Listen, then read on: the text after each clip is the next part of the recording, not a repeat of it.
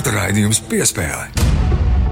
Esiet sveicināti Latvijas radio pirmā kanāla sporta rādījuma piespēle klausītāji. Kārtējā svētdiena un atkal runāsim par sportu. Turpmāko nedaudz vairāk nekā pusstundu.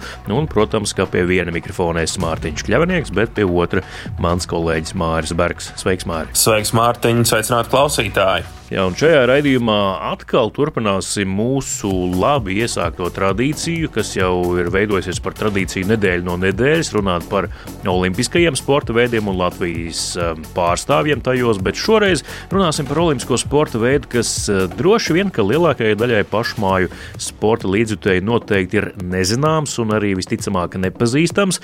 Runāsim par BMX freestyle, un uh, tas uh, nākamgad Parīzē būs olimpiskajā programmā jau otro ciklu pēc pēc kārtas debitējas Tokijā. Eh, Māris arī vasaras spēlēs debitēja klātienē Tokijā. Tā kā kaut kas kopīgs jums, Māri, ar BMX freestyle ir. Jā, es arī Tokijā redzēju to parku, kur notika šīs sacensības. Jāsaka tā, ka dabā tas izskatās ļoti iespaidīgi. Arī televīzijas ekrānos es pieņemu, ka tas izskatās ļoti labi.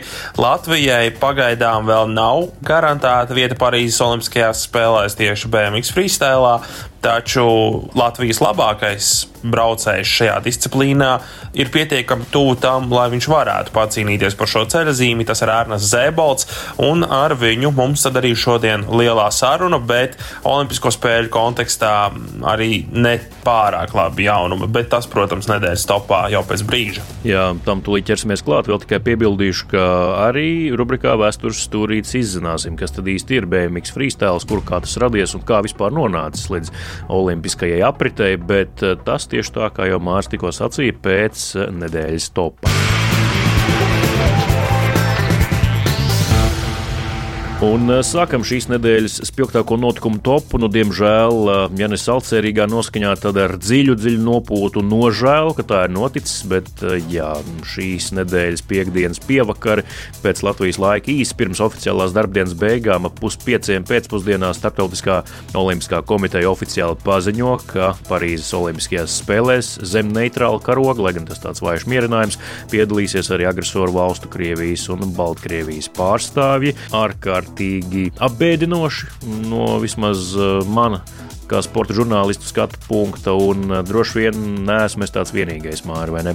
Nē, pilnīgi noteikti tāds neesmu vienīgais. Protams, arī man šāds lēmums sagādā ļoti lielu vilšanos, lai gan neliekuļosim, uh, viss liecināja, ka šis lēmums būs tieši šāds. Pirmkārt, jau novilcināšana, proti, šim lēmumam bija jābūt pieņemtam jau labi sen, taču tas netika izdarīts. Un, jāsaka, tā soka bumbu piespēlēja sporta federācijām, starptautiskajām sporta veidu federācijām, kuras uzrauga katru konkrēto sporta veidu, dodot viņiem iespēju. Saka, mēs rekomendējam, ka jūs viņiem ļaujat startēt, bet nu, jūs paši darat, kā jūs gribat. Jūs varat ļaut, bet nu, jūs varat arī neļaut.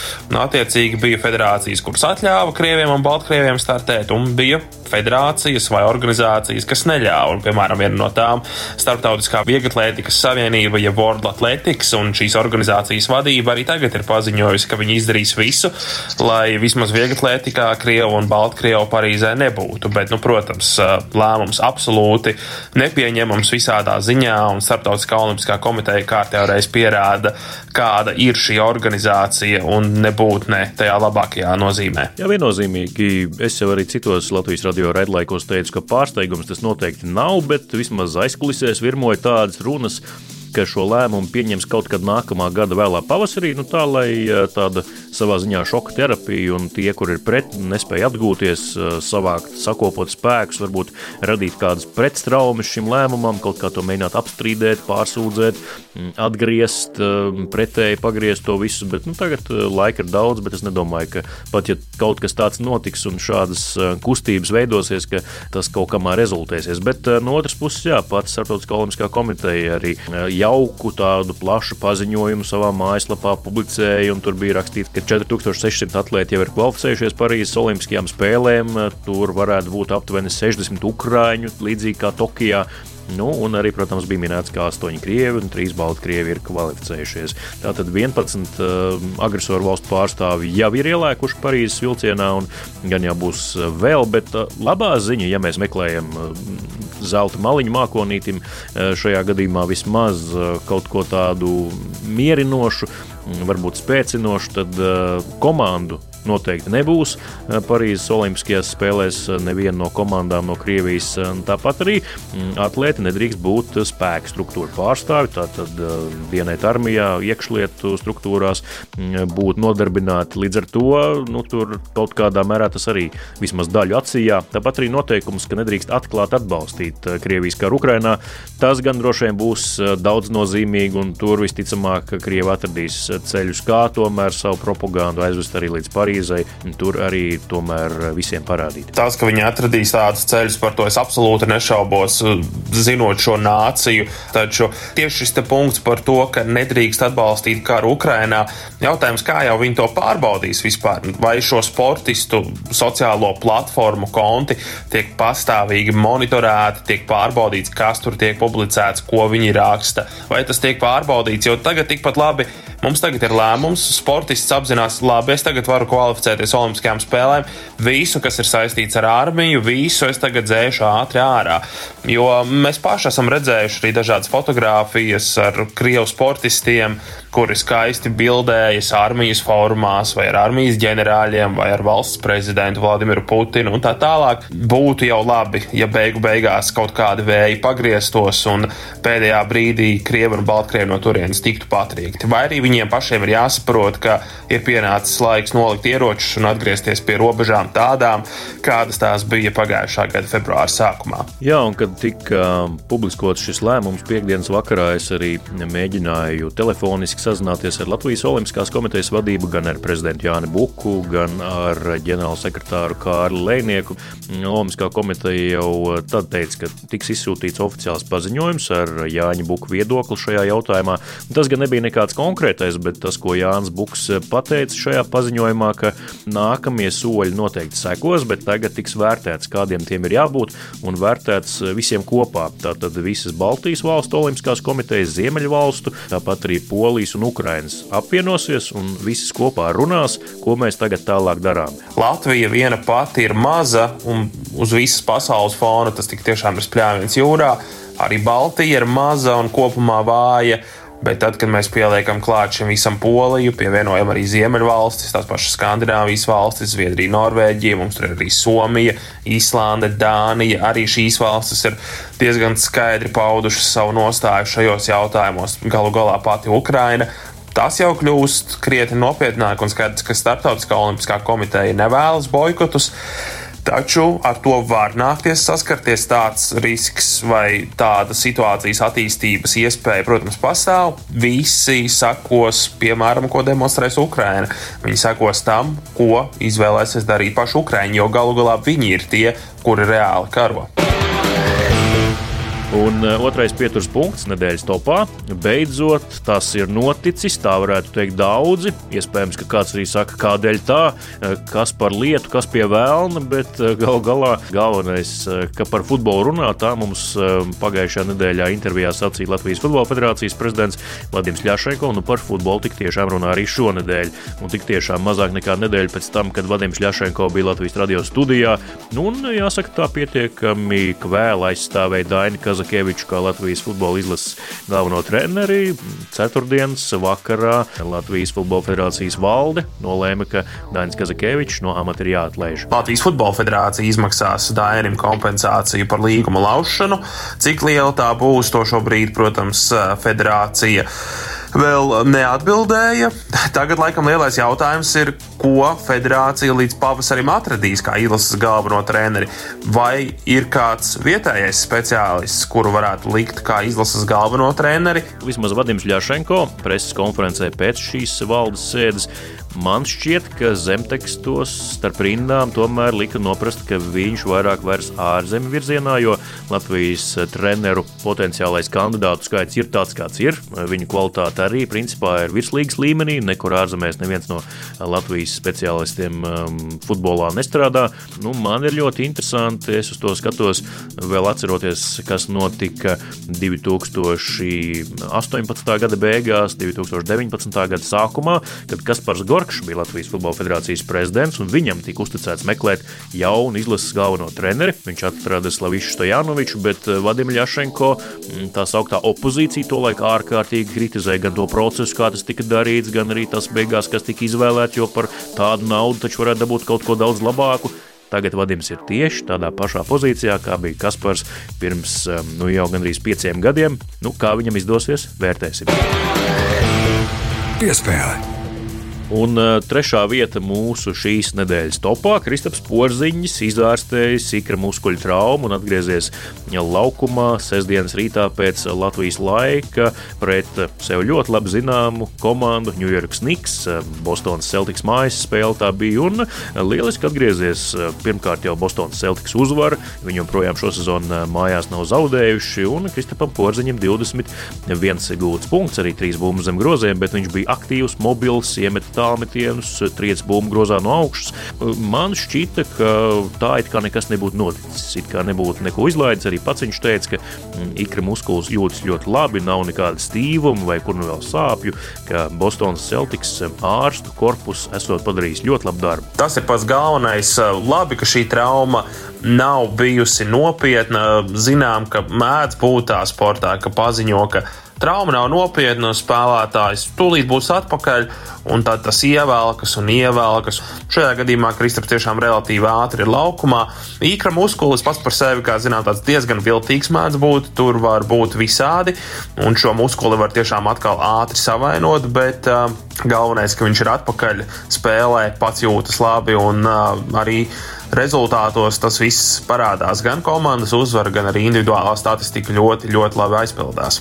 Šonadēļ tika arī publicēta intervija ar viņu um, bijušā Nacionālās basketbola asociācijas spēlētāja J.J. Redika raidierakstā. Nu, tur diezgan atklāti Kristaps runāja gan par aiziešanu no New York Knicks, um, arī šādas tādas nianses pieminot, tāpat arī analizējot savu laiku Dallas Mavericks rindās, attiecības ar Luku Dončiču, um, ja esam precīzi, un tur arī Džeģejs Rediks tādu interesantu epizodi atcerējās no savas būšanas divu mēnešu garumā vienā no sezonām Dallas Mavericks komandā, kad viņš uh, gan sēdēja laukuma malā, bet dzirdēja, kas notiek minūtes pārtraukumā, tad uh, tā laika galvenais uh, treneris Riks Kārlails sasauc komandas piecinieku pie sevis un kaut ko stāst, un Luka Dončičs tur savā slovēņu valodā kaut ko murmulē un lādējās un lamājās, tad vispār aiziet projām no šīs piecinieku sapulces, un tad Riks Kārlails saka, nu beidziet beidziet uzvesties kā zīdaiņi. Un tad eh, porziņš savukārt atbild, ej, pasak Lukam, lai viņš beidz uzvesties kā zīdainis. Nu, un tad Kārlis arī esot to pateicis Lukam, un, un tā ir epizode, kas iespiedusies Džeģē Redika prātā. Bet uh, man patīk, ka Kristaps laikam ir atradis tādu harmonijas punktu ar sevi, un viņam ir uh, ļoti vienkārši, varbūt ne iekšēji vienkārši, bet viņš brīvi runā par lietām, kas varbūt agrāk būtu bijušas tabū viņam, ja viņam šādu jautājumu uzdot. Jā, nu vispār šis gadījums tāds amizants arī noklausījos šo interviju pie J.J. Redika, ka tiešām tāds amizants tas izklausās, bet, nu, protams, tā ir visā visumā normāla situācija komandas sporta spēlēs. Galu galā šajā gadījumā tie ir divi labākie komandas spēlētāji. Viņi ir vienā līmenī, vienā statusā, un viņi viens otram var pateikt, ai, taču aizveries spēlē. Bet jā, arī Kristapī intervijas un pēcspēles preses konferences klausoties, var just, ka viņš piedomā un atbild tiešām jēgpilni uz jautājumiem. Arī tad, kad viņš ir Latvijas izlasē kaut vai vasarā. Jā, tas droši vien liecina par personības briedumu, kas 28 gadu vecumā noteikti ir iestājies Kristapam Porziņam. To mēs eh, vērojam arī viņa sniegumā Nacionālās basketbola asociācijas laukumos, un uh, turpināsim uh, sekot tam līdzi un to vērot. Uh, mēs līdz ar to arī liekam punktu šīs nedēļas spilgtāko notikumu topam nu, un dodamies pie sarunas ar vienu no Latvijas labākajiem BMX freestyle braucējiem, Ernestu Zēboldu. Piespēle. Šosvētdien lielā saruna pie mikrofoniem ar mani Mārtiņu Kļavnieku un Māru Bergu. BMX freestyle pārstāvis Ernests Zebols. Sveiks, Ernest! Sveiks, sveiks, Zēn! Klausītājiem, eh, arī mums daļēji diezgan daudz jāsaka, tā ir jāuzzina, kas tas BMX freestyle tāds ir. Tāpēc arī Ernests esam uzaicinājuši. Tas gal galā ir eh, sporta veids Olimpiskajā programmā. Tāpēc, nu, un ne pirmo reizi tas jau bija arī Tokijas Olimpiskajās spēlēs, būs arī Parīzē. Jā, un kāds droši vien saista Olimpiskās cerības ne tikai ar to, ka Ernests tur varētu būt, bet varbūt arī kaut ko izcīnīt, ja būs, eh, kas to lai zina. Ernest, Pastāstiet, varbūt īsumā radioklausītājiem, kur nekad nav redzējuši, kas tas ir. Kas ir BMW freestyle? BMW freestyle tas ir skateparkā, pa rampām lecam, taisam dūles triks, amplitūda augstais, variācijas liels, 360 grādu apgriezieni, kūleņi, atlaižam rokas, atlaižam riteni, griežam riteni. Un tā vienkārši taisam kombinācijas. Sacensībās jau viss tas ir daudz sarežģītāk. Divreiz, trīsreiz griež riteni, divreiz, trīsreiz griež taisam salto, bet nu, divreiz sacensībās jau ramps nav tik liels. Tāds arī BMW freestyle ir. Mēs vienkārši taisam to, kas patīk, kā tu jūties labi, lai tu lec augstu. Katram nav vienkārši arī tā rakstīts, kas tev jātaisa. Tu vienkārši taisi, kas tev patīk. Jā, jo es tieši šo gribēju jautāt, jo Ziemas Olimpiskajās spēlēs, piemēram, ir dārsadošana, mm -hmm. ir snowboardā freestyle disciplīnas, kur, kur tev ir obligāti elementi. Jā, ir obligāti mm -hmm. elementi, ir noteikti triki tur ar pagriezienu rādījusiem, mm -hmm. ar grādiem un vispārējo. Tātad jūs darāt, ko jūs gribat, bet kā to lai novērtē? Nu, tā pēc vienotas kaut kādas sistēmas. Sarežģīti diezgan. Es teiktu, pagaidām vēl nav pārāk, es teiktu, godīgi. Citas sacensības viņi vērtē to, citreiz to Tas ir jāskatās, ko viņi tajā skateparkā tieši tajā brīdī vērtē, ko Bet viņi labāk novērtē. Jums tiek pateikts, kas jums būtu jāizdara? Nē. Tu arī izvēlies, protams, ir jau sarežģītāk triki, ka tu griez vairāk riteni, ir daudz uh, labāk un sarežģītāk, vairāk punktu dabū. Tu griezies pats vairākas riņas vai griez kūleni vairākas reizes. Protams, tas ir daudz vairāk, jo sarežģītāk triki un jo vairāk rampām, jo vairāk punktu. Un jo tu tīrāk uztaisīsi. Nevis, ka tu vienkārši tur nezinu, aizliec tālāk, pieliec kājiņu vai aizliec pārāk tālu un tā kā norausties, tad arī nav pārāk labi. Tev viss jābūt tā kā es teiktu, perfekti. Tā plūstoši visam jābūt. Jā, plūstoši. Savādāk nevar tikt tālāk. Tāpēc es tagad pusfinālos parasti man tā neizdodas, bet kvalifikācijās ļoti labi to visu izdara ļoti plūstoši. Tagad arī tajā pasaules čempionātā izdevās. Tas bija ļoti forši. Viss jau lēnā garā, viss lēnā garā. Jā, pasaules čempionātā klausītājiem atgādināsim, izcīnīja 13. vietu. Parīzes Olimpiskajām spēlēm kvalificējas 12 sportisti vīru konkurencē, 12 sievietēm. Jā. Viena vieta, protams, aiziet mājiniekiem, francūžiem, katram no dzimumiem. Cik reāli ir, tavuprāt, kvalificēties Olimpiskajām spēlēm? Nu, mēs ar Mārtiņu jau tā runājām. Nu, turpat jau esi 13. vieta pasaules čempionātā. Nu, tā tas ir vieta pasaules reitingā. Jā, tā tad turpat uz tās robežas vienais. Es teiktu, ka es esmu viens no favorītiem. Kas vēl nav kvalificējušies, tad es teiktu, ka es esmu viens no favorītiem, lai Latvija būtu tur. Tas nav eh, viegli, jo mums vēl būs atlases, divas sacensības pavasarī. Mēs esam tur iekšā, jo mēs esam desmitā vietā. Tur tiek 13 valsts, manuprāt, vai 12, 12 valsts. Un tad no turienes seši braucēji tiks tālāk. Cik liela ir konkurence šajā sporta veidā pasaulē? Ar es... kādu masu tev ir jākonkurē? Es teiktu, ka tie visi, kas mēs esam pusfinālā, tie 24 braucēji, parasti, kas arī tiek, tie arī parasti cīnās. Kam tajā dienā labāk triki nāk ārā? Protams, ir kāds top 6, kas ir tāds stabilais. Tādi ļoti labi braucēji. Tie, jā, ir tādi parasti top 6, ja nu viņam kaut kas neizdodas, tad viņi, jā, protams, nav, bet tā, tā konkurence diezgan liela tad tu aptuveni sacensībās visu laiku redz vienas un tās pašas jā, konkurences jā. pretī vienas un tās pašas sejas. Tā kā es arī zinu, ko viņi taisīs apmēram. Kuras ir tās stiprās valstis, ar kurām ir jākonkurē parasti ar šiem ekstrēmajiem sporta veidiem? ASV ļoti izceļas jā. regulāri. Kas ir vēl tādi konkurenti?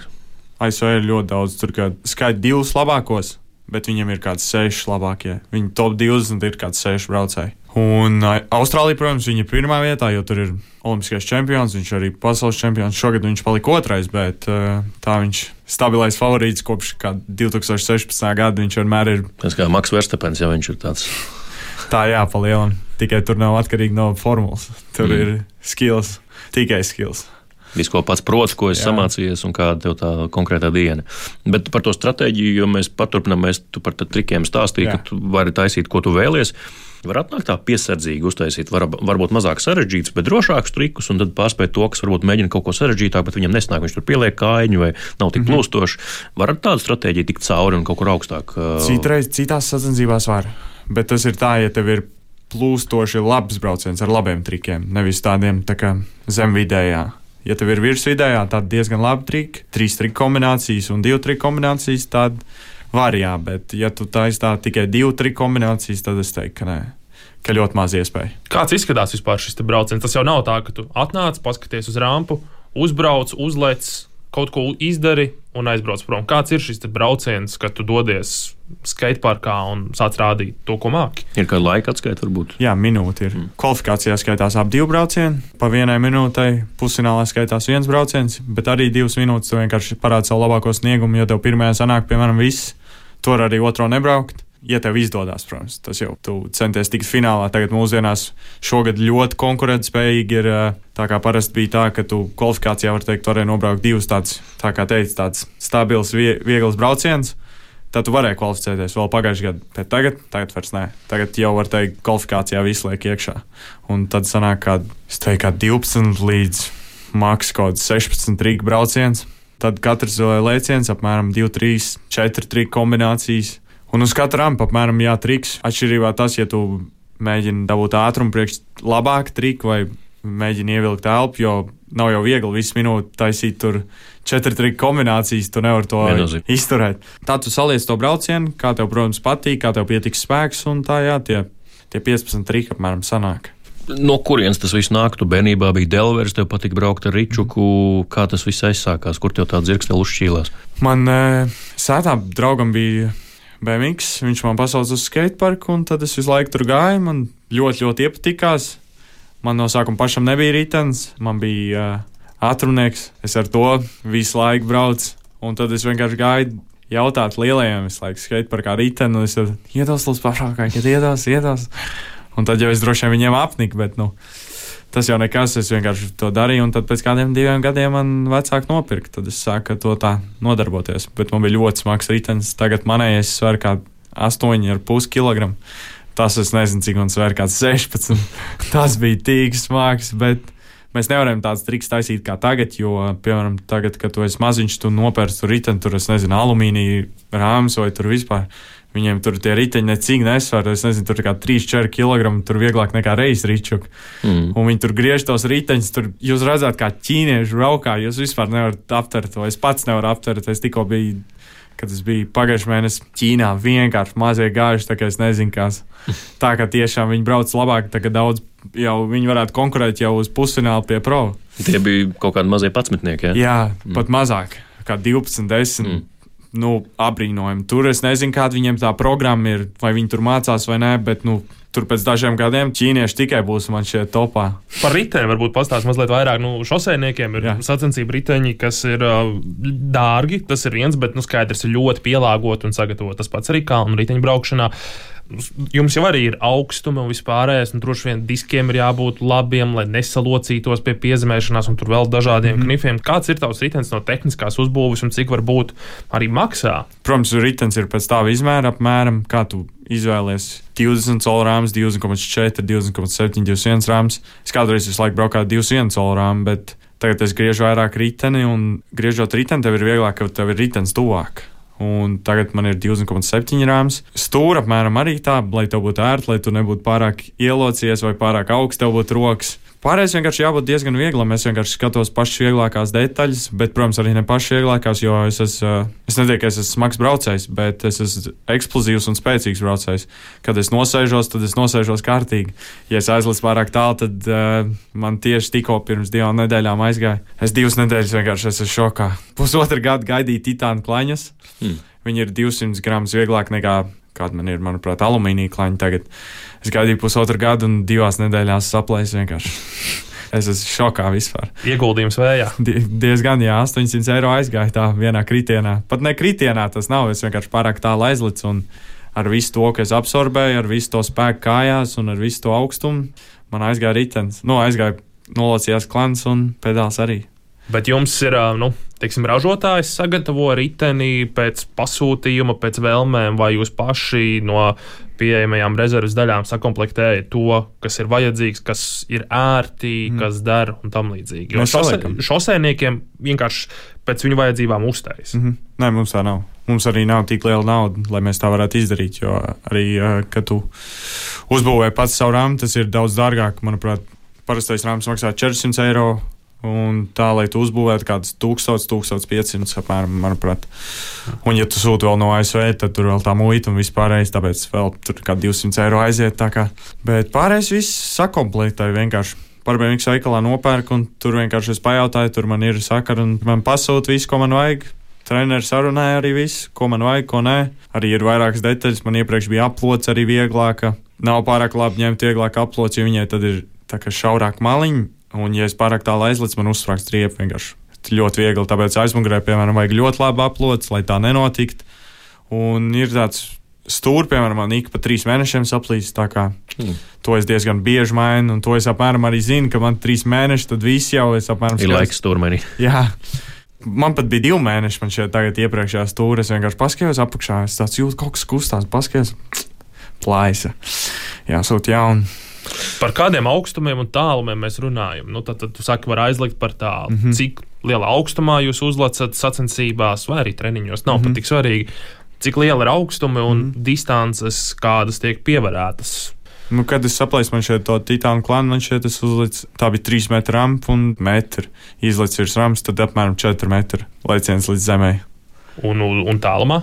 Nē, tas nebija tālumā, tas bija à, uz tikai, vietas. tikai uz augšu. Jā, bet tā tālumā es nezinu, kāda man šeit nav baigi tālu, bet kāda 2 metru varētu būt. Bet tagad treniņu parkā nav tik, tik gars rams, tur ir kāds maksimums metrs. Klavernest, kas tu vispār esi ikdienā? Tu esi profesionāls šajā sporta veidā, tu dari kaut ko citu, un tas ir tavs tāds ļoti nopietns hobijs. Nu, kā tu to varētu definēt, un kā mēs te varam dēvēt? Nu, es ļoti profesionāli to nodarbojos. Es um, visu daru, cik vien varu profesionāli. Tev tikai darīt. tas, un Jā, tikai tas. Cits, Neko citu es nedaru. Es trenējos zālē no rīta, un tad vakarā es jau braukāju. Katru dienu es nebraukāju tā, lai es varētu atjaunoties arī, bet tā es tikai trenējos un braukāju riteni. Bet viss tiek veltīts BMX freestylam un uh, ap to visu. Ap to tev dzīve rit un, un, un, ap to koncentrējies. Jā.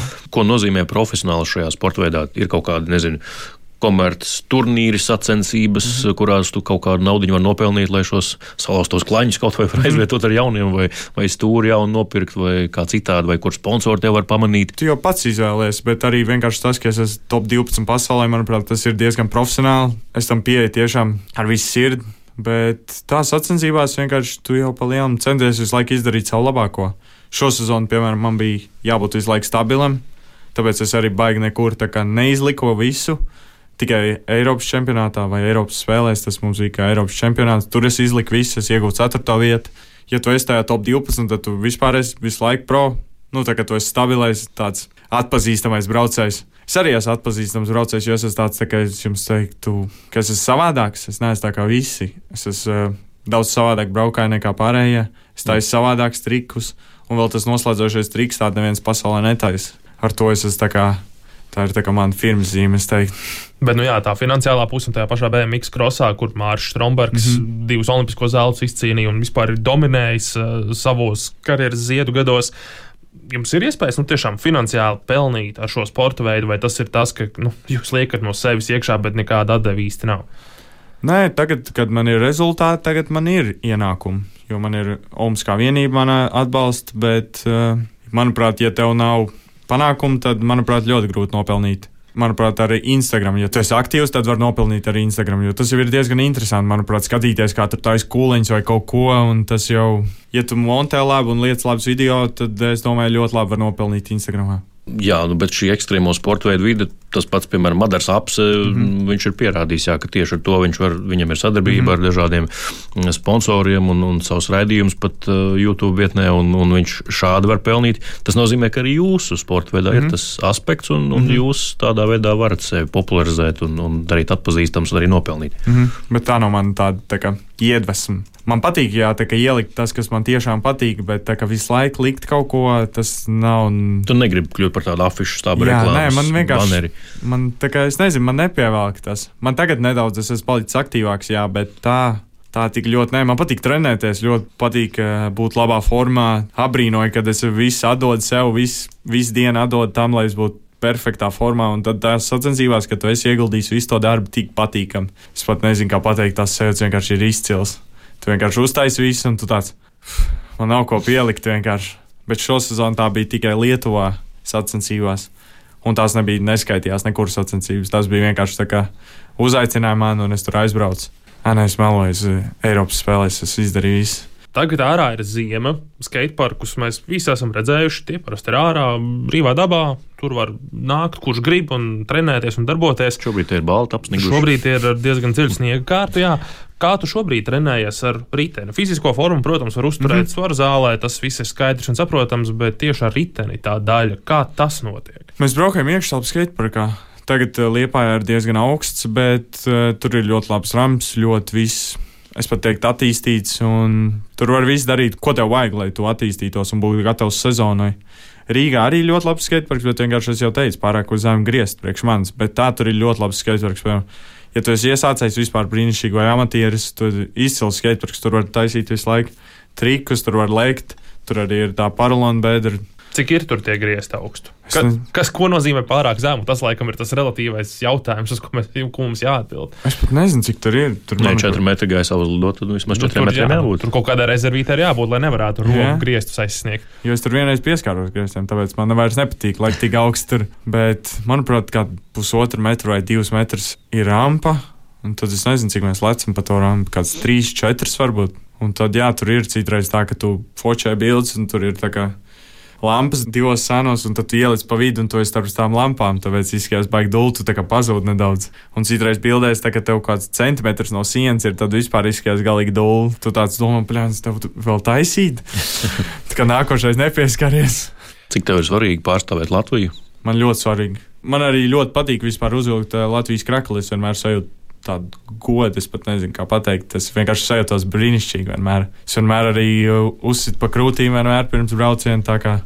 Man tur ir Latvijas karoks, man arī Latvija ir uz ķīveres un uz riteņa arī. Tā kā visur man ir Latvija, un es atbalstu visur Latviju. Olimpiskās spēles, tas ir tas sapņu piepildījums. Jā, bet tur arī nekas neapstājās. Es, protams, visu ieguldīšu, un uh, man ir ļoti daudz, kur augt, man ir ļoti daudz triku, ko iemācīties. Uh, es esmu tagad tādā labā formā, bet man ir vēl daudz triku, ko iemācīties, daudz ko pielikt braucienā. Es neesmu tik ļoti atvērts, bet es cenšos būt atvērts. Es vienkārši esmu tāds nosvērts treniņos, bet tā es cenšos runāt ar visiem. Un, Nē, es tāds, tā kā, nezinu, tur man noslēpumi nereāli, vai tur tā ir šī trika, tā, ir tā. Ja es redzu, ka ir nepareizi un es varu palīdzēt, es vienmēr palīdzu un pasaku, ko tur darīt, ko nē. Mēs esam ļoti draudzīgi. Cik jūs esat vispār? Latvijā? Jā, nu tāda augsta līmeņa braucēji. Nezinu, mēs tādi trīs esam, kas braucam uz sacensībām. Vienkārši pārējie ir tādi satraumējušies, tāpēc viņi nebraukā tagad. Bet tā, es domāju, tā, tā augsta līmeņa mēs esam. Es teiktu, es ar Tomasu esmu, mēs esam divi tādi, kas ir augsta līmeņa. Jo mēs visu laiku esam jā, tādi top divi no Vēncpils, vai arī no Vēncpils, bet no Latvijas, es gribēju teikt. Mm. Bet no Vēncpils arī mēs esam. Vēncpils tāds uh, centrs, BMW freestyle Latvijas centrs, Mekajā vietējā. Jā. Nu, bet tur gal galā arī ir pieejama infrastruktūra, un, un tur var arī uzsākt to visu, trenēties. Laikam arī pilnīgi loģiski, ka tieši no turienes nāk. Nu, kā Valmiera BMX krosā, tad Vanspils ir BMX freestēlā. Tā ir sanācis kaut kā. Mēs ar Tomas, ne, Tomas dzīvo Ventspēlī, bet es pats nedzīvoju Ventspēlī, es dzīvoju Liepājā, trenējos tur, bet, nu, tāpēc, ka nav Ventspēlī skateparks, tāpēc es dzīvoju Liepājā. Teiksim, paldies Ernestam Zēboldam, BMX freestēla pārstāvim arī potenciālajiem Latvijas olimpietim, iespējams, Parīzes Olimpiskajās spēlēs. Ernest, novēlam tev izcīnīt šo olimpisko ceļzīmu un tad jau uz kādu citu sarunu. Jā, Jā paldies, ka atnācāt. Paldies! Tā. Sporta raidījums piespēlē. Latvijas radio pirmais kanāls, sporta raidījums piespēle, studijā Mārtiņš Kļavinieks un Mārs Bergs. Tāda lūk saruna ar BMX freestyle braucēju Ernestu Zēboldu, bet eh, turpinājumā mūsu štata vēsturnieks Reins Grūnspēņš eh, tiecās pēc grāmatām, vērtās vaļā un mēģina izzināt, kas tad ir ir rakstīts dažādās vēstures annālēs un periodikā par un ap BMX freestyle. Kas tas vispār ir, kur radies, kad radies un kā nonācis līdz olimpiskajai programmai? Vēstures stūrītis! BMX freestylā sportisti uz velosipēda izpilda sarežģītus trikus un akrobātiskus lēcienus.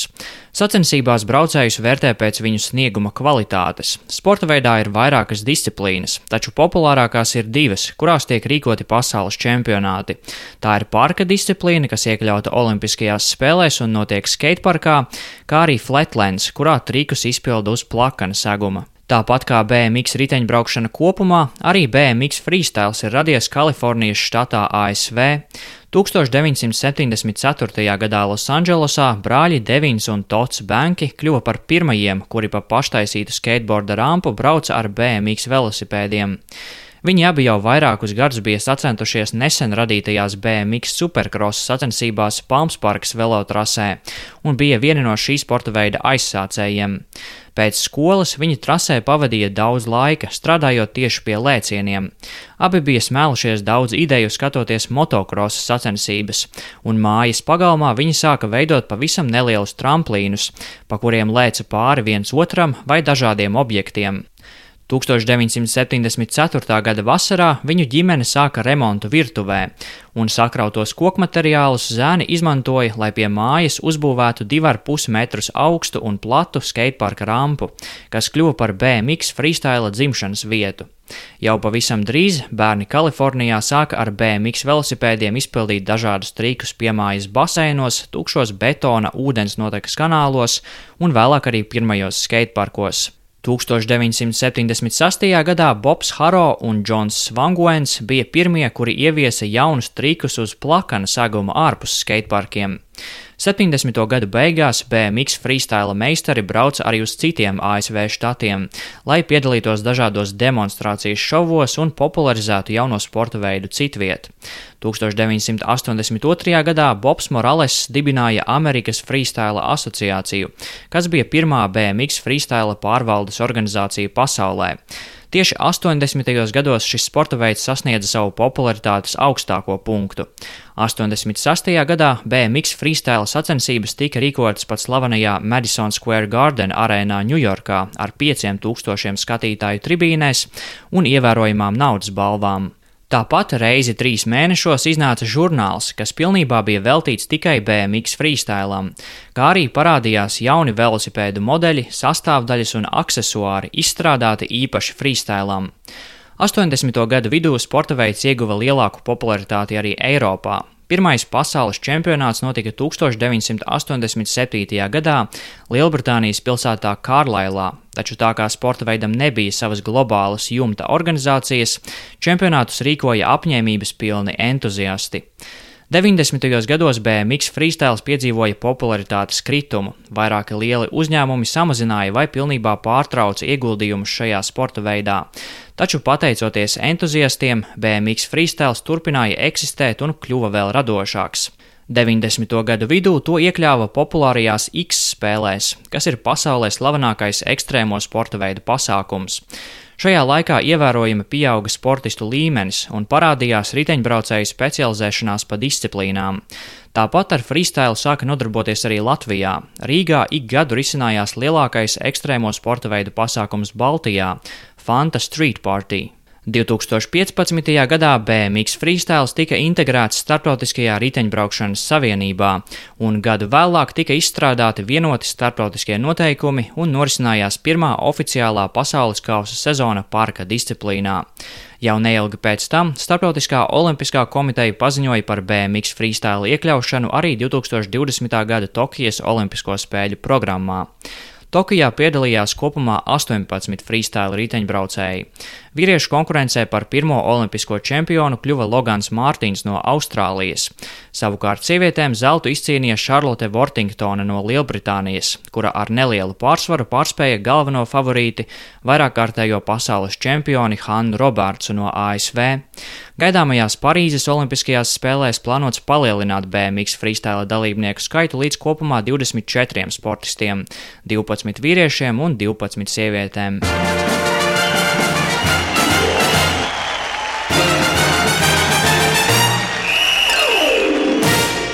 Radījums piespēle kārtējā svētdiena studijā Mārtiņš Kļavnieks un Mārs Bergs. Interesanta BMX freestyle vēsture ar tādām tikko uzņemtām jaunām zināšanām. Mēs arī šoreiz no jums atvadāmies un sakām jums paldies par klausīšanos šajā svētdienā. Dariet to arī visās nākamajās, kas vēl atlikušas šī gada decembrī, un, protams, tiekamies arī nākamajā gadā, nekur jau mēs nepazudīsim. Bet līdz nākamajam gadam un līdz uh, vakaram un arī 1. janvārim vēl, protams, kāds laiks mums jānodzīvo.